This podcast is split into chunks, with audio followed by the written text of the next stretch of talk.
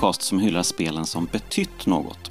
Vare sig det handlar om banbrytande gameplay-innovationer, nya narrativa nivåer eller estetiska genombrott så har alla kulturella verk som avhandlas i podden öppnat upp nya filer på den ettor och nollor drivna autoban vi kallar spelmediet. Jag heter Jonas Högberg och idag välkomnar jag Sam Sundberg till podden. Tack så mycket.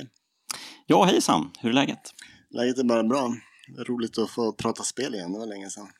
Ja, eh, vi sitter ju här ute i um, ditt uh, kontor ute i orten um, och uh, väldigt fascinerande stycke hus vi sitter i också. väldigt rustikt så att det har en väldigt bra känsla inför poddavsnittet redan. Ja, jag också. Ja. Du är ju, om folk nu har missat det, en av, ja, Sveriges främsta journalister skulle jag säga. Eh, och skriver främst för Svenska Dagbladet, flertalet magasin eh, och pysslar väl med allt möjligt inom, eh, ja, vad man nu kan tänka sig det här journalistyrket kan rymma. Ja, precis. Som, som frilans så kan man ju göra lite vad som helst nästan. Så att, den här hösten har jag hållit på med mm, redaktörer några fackböcker och jag har gjort föreläsningar och skrivit reportage. Och lite sådär. Det är det som är roligt med det hela. Yes. Um, och det är ju lite, det känns lite samtidigt lite konstigt att vi sitter här för att för sex år sedan så skrev du en krönika om hur mycket du ogillar pladderpoddar. Ja. Uh, och du skrev att du hade poddallergi. ja, precis. Ja, men det, man ska ju komma ihåg att det är just pladderpoddar jag ogillar. Sådana som är väl förberedda och håller någon sorts kvalitet, de uppskattar jag. Mm, härligt. Uh, yes, och uh, om ingen där ute, eller ingen, om du som lyssnar har missat Sams fantastiskt roliga reportage om influencer eh, kulturen och fenomenet så är det någonting som du behöver undersöka omedelbart genom att kika in på SvD. Det var fantastiskt kul. Vad, vad drog du själv för lärdomar av det reportaget? Ja, jag höll ju på med det väldigt länge för att jag blev ju liksom fast i den där mode-influencer-personan som jag skapade. Jag tror att min främsta personliga lärdom var att man kan inte bli influencer utan att själv bli väldigt influerad av det man håller på med. Det mm. går i båda riktningarna. Yes, mycket kul. Um, och uh, ja, med det sagt så ska vi kanske lämna nutiden och backa bakåt lite. Precis som alla andra i den här podden har du en gång i tiden skrivit för tidningen Superplay. Mm. Um, och du började ju samtidigt som mig då, uh, 2005 tror jag det var. Stämmer. Yes. Och du skrev de här tunga, viktiga artiklarna. Uh, bland annat om Postal 2-rättegången. Ja. Uh, vad minns du av tiden på Superplay? Ja, det var en superrolig tid. Jag hade Eh, jobbat på en ungdomsorganisation tidigare som heter Good Game som höll på med spel. Um, sen blev jag lite less på det och ville skriva mer själv. Jag hade utbildat mig till journalist nere i Göteborg innan dess. Um, och då var spelvärlden en naturlig eh, grej att eh, sätta igång med. Och då ville jag ta med liksom allt jag hade lärt mig på Journalisthögskolan och ja, borra i så här frågor som jag tyckte att andra inte skrev om. Uh, så det var väldigt roligt. Mm. Ja, just uh, Postal 2-texten kanske kan få bäring på uh, spelet vi ska prata om idag. Det är mycket mm. möjligt. Det var samma era verkligen. Ja, exakt. För precis, jag kollade upp ditt Good Game-jobb på LinkedIn. Um, och du började där i september 2002. Mm. om man nu får tro det som står skrivet i pränt där. Eh, och månaden därefter släpptes ett spel som förändrade, ja, inte allt, men väldigt mycket. Grand Theft Auto Vice City. Mm. Eh, ja, dagens kraftspel. Och varför har du eh, valt det?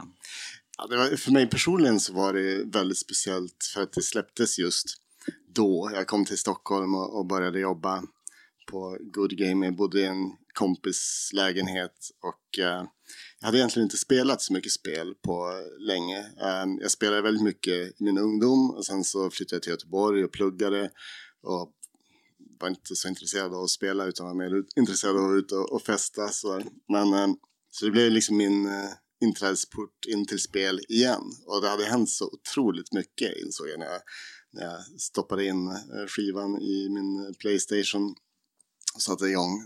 Spelen, Grand Theft Auto och Vice City var någonting helt annat än någonting jag hade spelat tidigare. Um, så därför har jag valt det. Mm. Ja, och vissa kanske tycker att det är lite märkligt att vi inte pratar om eh, Grand Theft Auto 3 som ju förändrade spelserien och eh, som förändrade hela actiongenren i tredjepersonsvy. Um, det blev ju enormt framgångsrikt med sitt eh, extremt genomarbetade manus och eh, eh, hela den här gangsterdramatiken i New York City-kopian Liberty City. Eh, men eh, precis som dig så tycker jag att Vice City är ett mycket, kanske inte mycket bättre spel, men ett mycket roligare spel. Det väcktes ju någonting på allvar i mig i alla fall när de vände blicken mot Miami-kopian Vice City. Mm. Och emulerade hela 80-talet med ikoniska filmer och tv-serier som Scarface och Miami Vice. Ja, nej men det, det, är ju mycket estetiken i det som gör att det är så speciellt. Mm. Och än idag så blir man ju lite varm i kroppen av, av att se det och höra de här radiostationerna som är så fantastiska med soundtracket. Mm. Det är ju så fullt av eh, kärlek till den här eran. Och mm. just uh, Miami Vice har ju varit den allra främsta inspirationskällan har man uh, hört Hauser-bröderna säga.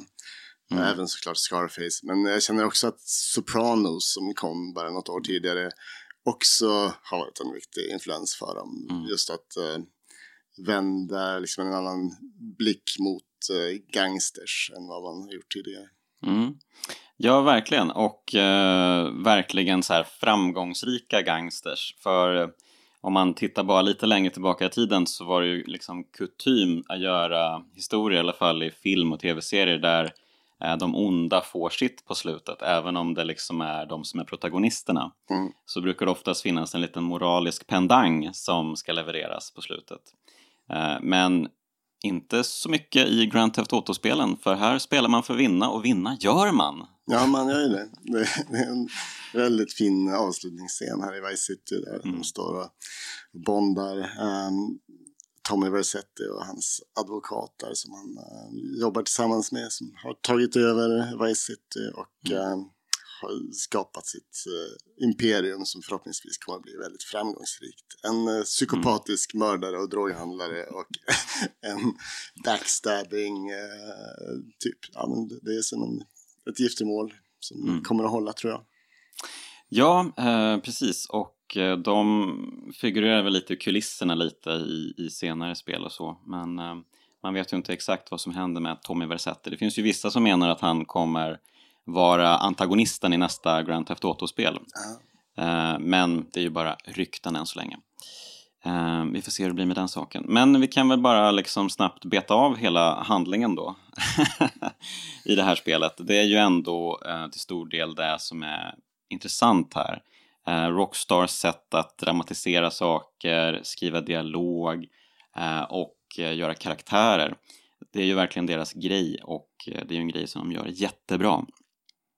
Och det börjar ju med att Tommy Versetti, vår protagonist, kommer till Vice City. Eh, jag antar att han kommer från Liberty City. Mm, där hans chef eh, Sonny Forelli har, ja, det är väl han som har kontroll över hela stan och sådär.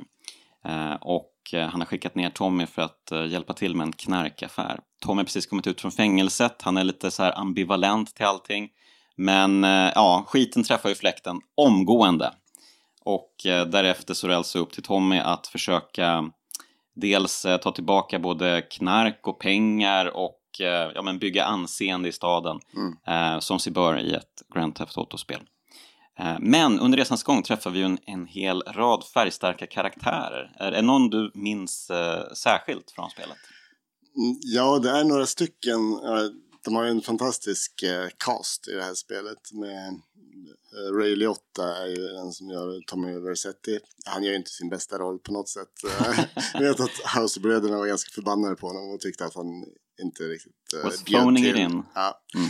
lite så. Men det finns andra som gör desto roligare roller. Mm. En som jag gillar är Luis Guzman som mm. gör Diaz som är verkligen en sån här kolerisk bebis till gangster som yes. Ja, han är som, som, en treåring som istället för en uh, leksaksbil så har han automatvapen och mm. istället för välling har han kokain. Det är en väldigt bra figur. Ja, han skjuter sönder någonting i alla scener han medverkar i, ja, tror jag. Han skjuter på duvorna som han är galen på, han skjuter på sin videospelare och så vidare. Och så vidare. Mm. Ja, jag håller med. Han är ju väldigt uh, underhållande. Uh, alla karaktärer som verkligen lever ut är ju uh, väldigt underhållande. Mm. Um, vi har ju till exempel porrfilmsregissören Steve Scott som ju spelas av Dennis Hopper ja. av alla människor. Också extremt passande casting på något sätt. även om, det här tyckte jag var lite märkligt, Burt Reynolds är ju också med mm. i spelet och då tänker man ju att med tanke på att han alldeles nyss då när det här begav sig spelade eh, porrfilmsproducent eh, i eh, Boogie Nights mm. tänker man att det borde vara liksom självklart ska du spela det här också men eh, han spelar ju eh, Byggherre Byggherre, precis. Ganska anonym roll egentligen. Ja, de fick kanske inte ut jättemycket av, av honom, men han, han gör det bra tycker jag. Ändå. Mm. Um, vad har vi mer för några? Philip Michael Thomas är med. Mm. Han spelar Tubbs i Miami Vice. Det var de säkert väldigt glada, ja. glada över. Bara den saken. Just han det. gör Lance Vance uh, som... Brother from another mother. Ja. Till Tommy Versetti kan man väl säga. Det, det kan man säga. Mm. Ja, men, uh, och han är ju verkligen en Miami Vice-karaktär i, i vit kostym hela tiden. Mm. Han är ju då en snubbe som dyker upp och hjälper Tommy för att sedan mot slutet bedra honom. Och, försöka skjuta honom i sank. Men det går inte bra. Nej men precis. Och eh, du var ju inne på det där när du eh, berättade om slutet. Men Ken Rosenberg är ju en fantastisk karaktär ja. också. Och jag gillar verkligen William Fichtners eh, porträttering. Ja. Och han är ju verkligen en sån här lite mer anonym skådespelare som bara liksom passerar eh, revy lite sådär. Han är alltid bra. Han är alltid svinbra. Um, han är med i början på Dark Knight till exempel och spelar eh, banktjänsteman där som mm. försöker eh, slå tillbaka mot Jokern. Um, och eh, han har ett fantastiskt utseende som, ja det får man ju inte riktigt ta del av här kanske då, men... Eh, Nej, det är ett minus. Nej, men han, mm. han är ju bra i Crash också. Mm. Han är också med i Boogie Nights. Uh, nej, men det är som sagt väldigt många bra skådespelare. Ja, och till slut då så lyckas ju eh, Tommy, ehm, han får ju nys om att den här Diaz är ansvarig för den här eh, knarkdealen eh, som gick snett. Mm. Eh, det var helt enkelt han som kapade den eh, och snodde både pengar och knark. Eh, vilket gör att Tommy helt enkelt sätter efter honom ehm, och som alltid så går det ju ganska bra för Tommy. det är sällan han får några riktiga så här tillbakagångar eller liksom. När jag spelade var det en del Ja det var det? ganska många. Okej, okej. Okay, okay. Men det var ju en del av det som var roligt. Det var ju så också något som kändes väldigt nytt, att det var så kaotiska uppdrag ofta. Det, mm. det kunde gå snett på så många olika och varierade sätt. Så att man visste aldrig, liksom, det hade misslyckats en gång så kunde jag inte alltid dra slutsatsen att ah, okej, okay, men då måste jag bara göra så här så, så går det bra. Utan mm. då kanske jag råkar skjuta en förbipasserande och så kom snuten inkörande mm. och så blev det kaos på ett helt nytt och oväntat sätt. Mm, mm, Um, så det, ja. det ty tycker jag bidrar till upple upplevelsen också. Yes. Och Tommy tar ju över äh, Dias äh, hela villa och hela operationer och blir Vice Citys nya knarkkung. och sen så händer det lite andra saker däremellan. men så till slut så kommer ju då Sonny ut till Vice City. Hans för detta chef, för han har ju liksom sagt att nu är det jag som tagit över här själv liksom. Men eh, Sony kommer ut för att eh, få sin bit av kakan och det blir lite, eh, ja, oegentligheter dem emellan och till slut då så ligger både Sonny och bästa kompisen Lance Vance död i ett kulregn. Mm. Och ja, precis, och sen så har man vunnit verkligen. Det kändes väldigt nytt när man såg det eh, 2002, minns jag. Det kändes lite apart faktiskt. Mm. Men ja, varför inte? Um, ja, vad, vad, tycker du om storyn eh, överlag? Håller den fortfarande så här? Nej, sådär tycker jag. Den, den känns ju inte jättesofistikerad, äh, ärligt talat. Jag tycker det var inte storyn som var det som fångade mig mest heller på den tiden. Utan det var mycket av den här öppna världen och att äh, kunna driva runt i Vice City och bara känna Alltså alla bilar och människor som springer runt där är ju liksom som uppblåsbara dockor ungefär. De, de, de har ju ingen riktig själ. Men, mm. men ehm, den här rent grafiska estetiken kombinerad med soundtracket när man kör runt. Mm. Just mm. soundtracket, de här fantastiska radiostationerna är mycket det som ger den här staden en själ skulle jag säga. Mm. Ja, jag håller verkligen med. Alltså känslan man har när man åker runt där på Boulevarden och tittar upp mot den här enorma månen mm. eh, som liksom eh, tornar över allting på natten där. Um, och så lyssnar man på diskomusik eller Michael Jackson och ja, det är ju så sjukt många grymma låtar. Um, och visst, jag kanske är lite böjd att tycka att 80-talet faktiskt hade en ganska trevlig låtskatt. Mm. Eh, men, eh, och det är ju många one-hit wonders såklart och så som man typ aldrig ens hört talas om bandnamnet på. Vem är Spandau Ballet till exempel? Känner du till dem? Ja, jo. Nej, nej de, de, de, var inte några av mina favoriter men de har sina poänger här och där. Mm. Det, det, är kul att lyfta fram de här one-hit wonders också. Mm, som, mm. Det är de som är mest bortglömda. De som ja. har, har liksom släppt fem eh, platinaskivor, de kommer man ihåg, de har jag mm. hört igen. Men de här One Hit Wondersarna har man kanske aldrig hört sen efter 80-talet. Nej men precis, och de, det var ju inte bara um, glamglittriga saker, det fanns ju lite hiphop i spelet mm. också. Mm. Uh, Grandmaster Flash till exempel, uh, The Message, mycket fin låt. Um, och uh, ja men det var, ja, men det var verkligen så här liksom sådana otroliga Um, men mycket, mycket pepp var det verkligen. Det var så otroligt mycket peppiga saker. 99 luftballons till exempel. Ja, Helt den, otroligt. den är fantastisk. Just, just i det spelet. Jag hade, liksom, ja. jag hade hört många gånger förut och aldrig brytt mig särskilt mycket om den. Men den mm. satt som en smäck just där. Den är med yes. på den här fantastiska radiokanalen Wave 103 som var min absoluta favorit. Jag vet inte hur många gånger jag har lyssnat igenom den. Liksom, mm, mm, mm. Uh, många, många timmar har jag lyssnat på det. Precis, radiokanalerna de hade ju, äh, äh, låtarna återkom ju inte på alla äh, kanaler utan de var ju liksom på vissa av de här radiokanalerna kunde man hitta vissa låtar så man var ju tvungen att veta vilken som hade vilken låt liksom. Um, och det var ju väldigt roliga radiopratare också på de här kanalerna. Um, jag tänker kanske speciellt på Fernando Martinez på Emotion 98.3. Eh, och hans många utläggningar om uh, promiskuitet och, och sådana saker. Uh, och tips till alla stackare som inte har hittat någon och sådär. det var mycket kärlek i luften i Vice City. ja, absolut. Mm. Nej, men det var ju också mycket sånt här inom citationstecken vuxet innehåll. Som är typiskt för sådana här maffiafilmer och serier mm. med strippklubbar och porrfilmsinspelningar och så vidare. Mm. Um, det hör till genren på något sätt. Men det mm. gjorde också att spelet fick kritik såklart. Ja, men vi kan väl gå in lite på den kritiken då. Um, det här som på något sätt ändå um, knyter an till Postal 2. Uh, eh, våldsamma spel. De, de, de fick ju lite en, um, vad ska man säga, en, um, framförallt i USA då, så fanns det ju en debatt redan från uh, eh, 90-talet. Ja, i och för sig hade den väl debatten redan på 70-talet. Men eh, den har ju liksom blommat upp om och om igen eh, med kanske ett decenniums mellanrum och sådär.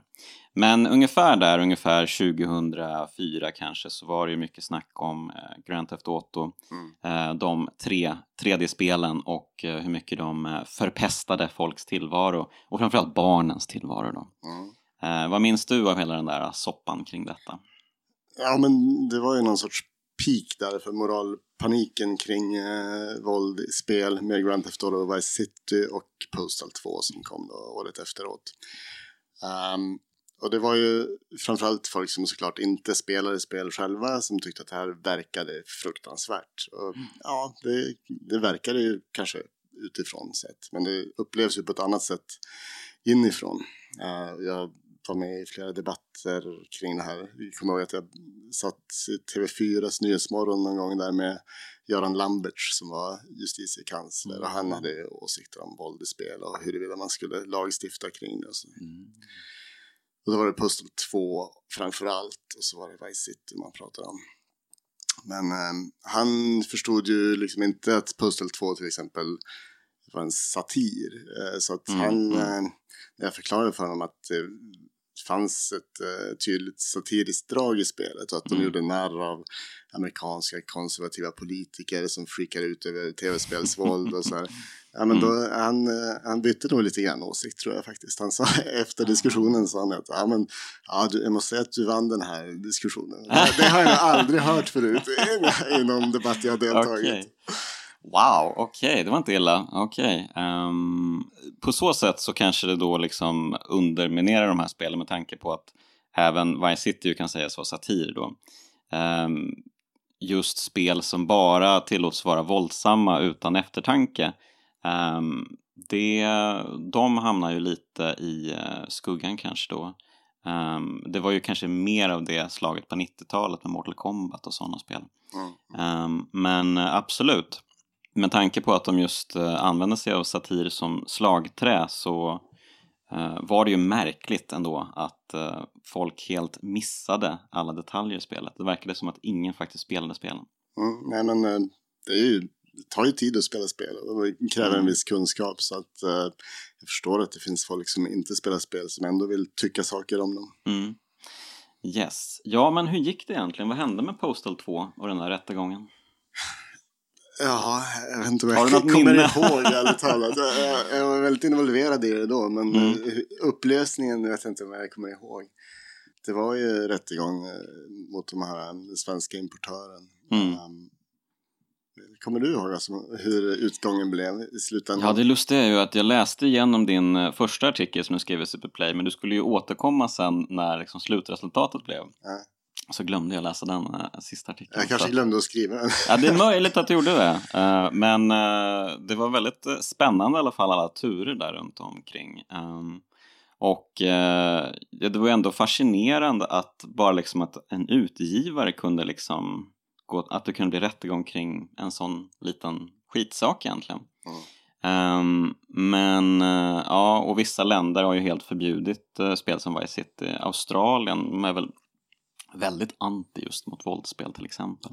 Ja, jag tror det släpps någon censurerad version där. Uh, Så kanske det var, ja. Mm. Men man får också komma ihåg att Puzzle 2, det, det var ju väldigt uttryckligt skap skapat för att vara provokativt. Mm. Det, det, hade ju få försonande drag som spel betraktat. Mm. Jag tror att de ville ju sälja på att vara väldigt in your face med våldet och, mm. och så här. Så att uh, de, man får säga mission accomplished för dem på något vis. Att de lyckades skapa de svallvågorna. Däremot Grand Theft Auto Vice City, där var ju inte våldet ett självändamål på det sättet. Mm. Utan det var ju mer ett resultat av att Hauserbröderna behandlade tv-spel som en vuxen underhållningsform. Och mm. backar inte för våld eller sex och, och droger. Mm. Um, precis som om de hade gjort en indie-maffiarulle så tyckte de att det var självklart att ha med de här aspekterna i spelet. Mm. Och um, att det blev sådana reaktioner på det tyder mer tycker jag att det fanns en omogen syn på datorspel mm. eh, på mm. den tiden i samhället. Man ansåg att det var en underhållningsform för barn så därför tog man för givet att oj, finns det ett spel med så mycket våld i, vad ska hända med barnen? Mm. Eh, mm. Fast det hade en liksom 18 års rekommenderad åldersgräns. Mm. Eh. Ja, en sak som eh, på något sätt anknyter till det är ju att eh, de är ju ganska... Housebröderna är ju lite sådär på att hantera kvinnor i sina spel. Eh, har ju blivit tydligt genom åren. Um, jag recenserade GTA 5 i Aftonbladet och efterfrågade just uh, bättre kvinnoporträtt i deras spel. Mm. Uh, och nu när jag spelat om Vice City så kan jag bara konstatera att det var ännu värre förr i tiden. Ja, det är verkligen inga kvinnliga förebilder att tala om överhuvudtaget. Ja, och man ska givetvis poängtera att alla är ju samma typer av kålsupare här. Att uh, alla är ju vidriga karaktärer såklart. Mm. Men jag vet inte, det, det känns bara lite extra um, anskrämligt när de bara har så här porrfilmsaktriser. Um, en dotter till en karaktär som har promiskuös sex med alla blir porrfilmsaktris också. Så det, mm. liksom, nästan alla karaktärer hamnar i det träsket. Och sen finns det ju en ganska fräck eh, gängledare i och för sig då, som heter Antti Polé. Mm. Eh, och eh, hon är ju tuff faktiskt men det, det, blir ändå någon sorts uh, helhetsbild som är lite så här, ja, det, det rimmar lite illa helt enkelt. Ja, verkligen. Man, man känner ju lite att de kanske har dragits till den här genren av fel anledningar. att, att de glorifierar det ganska mycket, mm. liksom, det här livet och den här eran och så. Och mm. kanske glömde ta på sig sina genuskritiska glasögon som jag hoppas att de ja. har någonstans uh, på nattduksbordet. Har de det? Ja, det är Nej, frågan. Det är, det är frågan. Uh, ja, men bara det här att uh, de tyckte att det var så himla kul att de lyckades få uh, Jenna Jameson, porrskådisen, att faktiskt spela uh, porrskådisen i spelet. Mm. och att de efteråt bara wow, vad coolt. Och så satt de där som små barn liksom när hon kom in för att spela in sin röst till spelet. Och bara, är det sant? Hon är här? Wow! Kolla vad häftigt, oj, hur ska du få henne att liksom få henne att stöna? Jag har ingen aning. Och så bara så här en massa pinsamheter liksom. Mm, ja. ja. Levde tv-spelsgenren upp till sin pojkrums-aura eh, där på något sätt. Det får man säga, det får man säga. Men och samtidigt då så fanns det ju ändå liksom, ja precis, även om spelet kanske inte åldrats med allra eh, bästa behag då så är det ju ändå fortfarande stundtals ganska kul, eh, många av de här mellansekvenserna mycket av dialogen eh, och eh, vissa av karaktärerna eh, när de liksom ballar ur på alla möjliga sätt. Och, eh, det, men det, det är väldigt underhållande. Jag tänker på Uh, vem tänker jag på? Jo, jag tänker på um, den här MC-knutten som spelas av klassiska skådespelaren Lee Majors. Um, han är fantastiskt fin um, och uh, men väldigt välskriven tycker jag. Och även den här vapenhandlaren Phil Cassidy som gör med det här bankrånet som mm. spelas av Gary Busey. Ja, just det. Just det. Otroligt. Uh, ja, men vissa uppdrag var också väldigt uh, intressanta i det här spelet. Som bankrånet till exempel. Och det, det kändes ju verkligen hit-inspirerat. Att de mm. hade liksom gjort en blåkopia på det på något sätt. Ja, ja, men de älskar ju Michael Bay, de här Hauser-bröderna. Det har de pratat många gånger om. Oj, Michael jag... Bay? Du menar Michael Mann eller? Ja, Michael Mann, förlåt. Mm. Uh, så att han är en stor förebild generellt. Mm. Och de ville väl kopiera lite både från Miami Vice och från Heat och annat, andra förebilder. Mm, mm.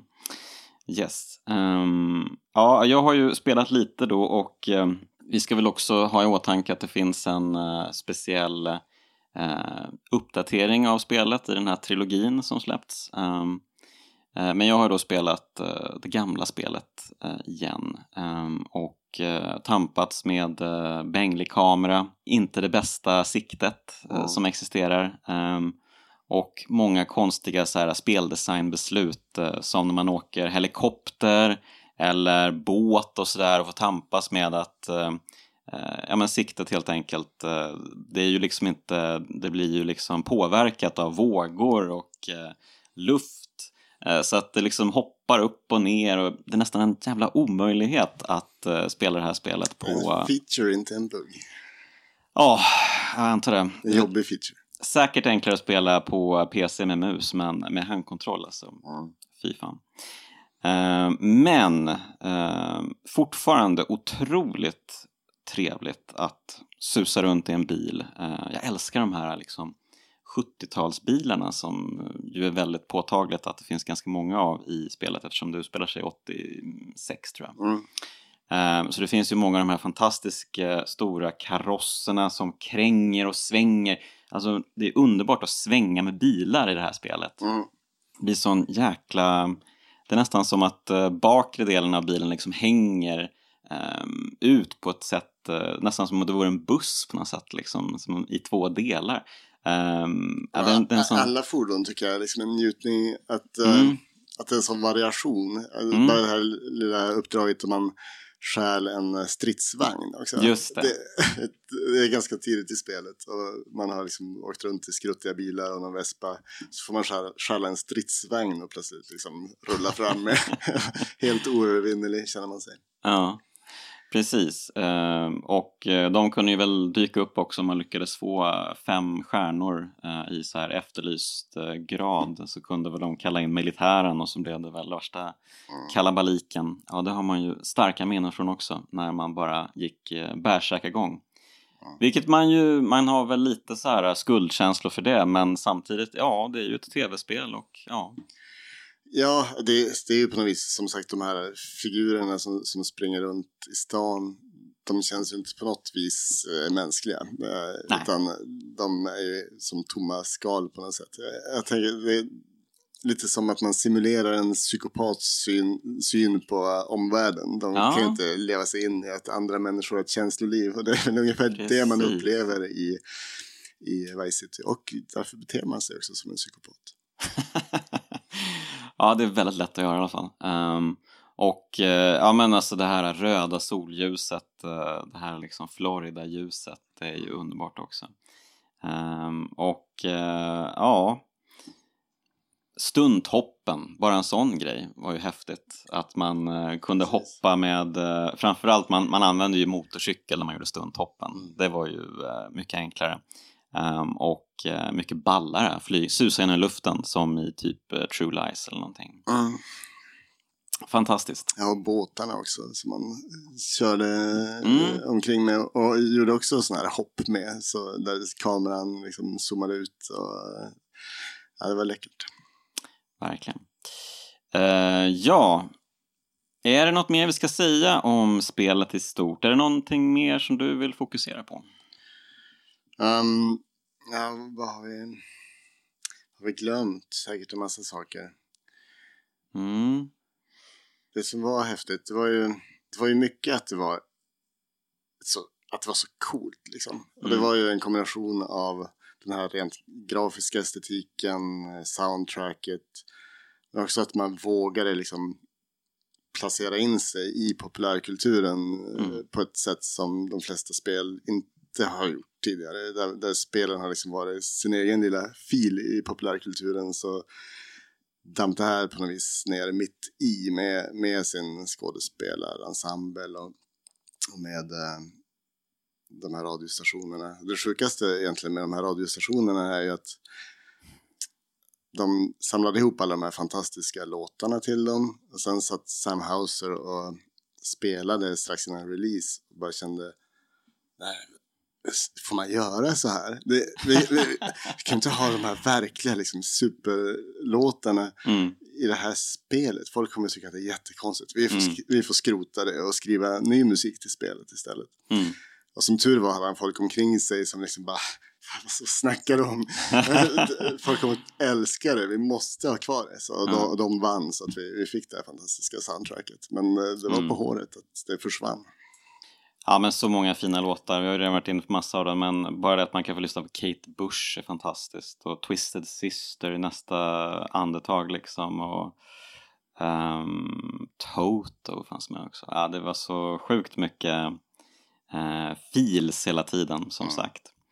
Ehm, och eh, ja, men de kanske ändå var som allra bäst på sin satir när de skrev för de här radiopratarna. Absolut. Och de hade sina det var så här konstiga intervjuer med störda människor som liksom ehm, utmanade alla tankar man hade om sedlighet och allt möjligt sånt där.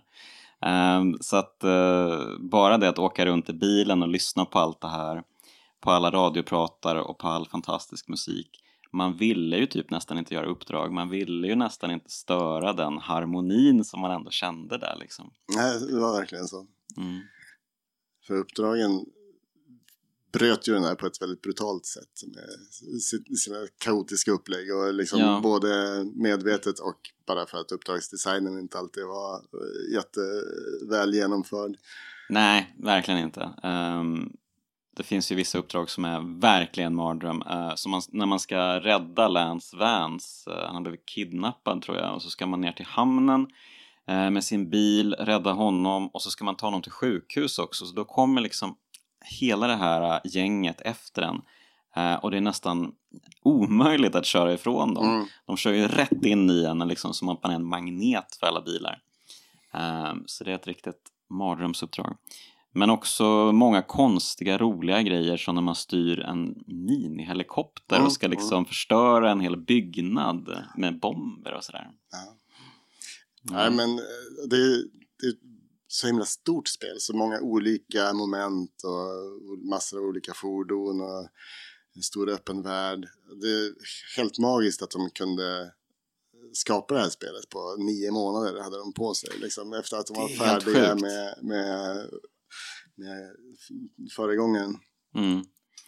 Obegripligt. Sinnessjukt. Ehm, och visst, det är ju inte en jättestor spelstad, eh, speciellt inte om man jämför med spelet som kom sen, San Andreas, som ju var liksom helt enormt stort i jämförelse.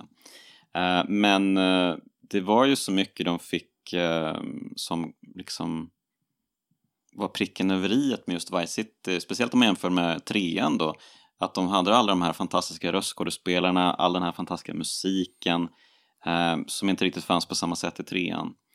Um, och jag antar att det var treans framgång då som gjorde att de kunde få alla de här uh, skådespelarna att ställa Ja, upp. helt klart. Men det Mm. gjorde också att de hade en väldigt, väldigt press på sig. Och Mm. liksom, trean sålde bara bättre och bättre under tiden att de arbetade med utvecklingen av Vice City. Så pressen blev bara högre och högre Mm. ju närmare release de kom. Så att, eh, jag kan tänka mig att det var inte mycket tid att sova. Mycket, crunch. Ja, stackars spelutvecklare. Ehm, precis. Men um, ja, kan du um, försöka sammanfatta det här då? Ehm, du har ju redan gjort det i och för sig, men varför tycker du um, Grand Theft Auto Vice City är ett kraftspel? Eh, Jag tycker att framförallt är ett kraftspel för att eh, det vågar ta spelmediet på allvar och se det som en vuxen underhållningsform där man får göra vad som helst. Mm.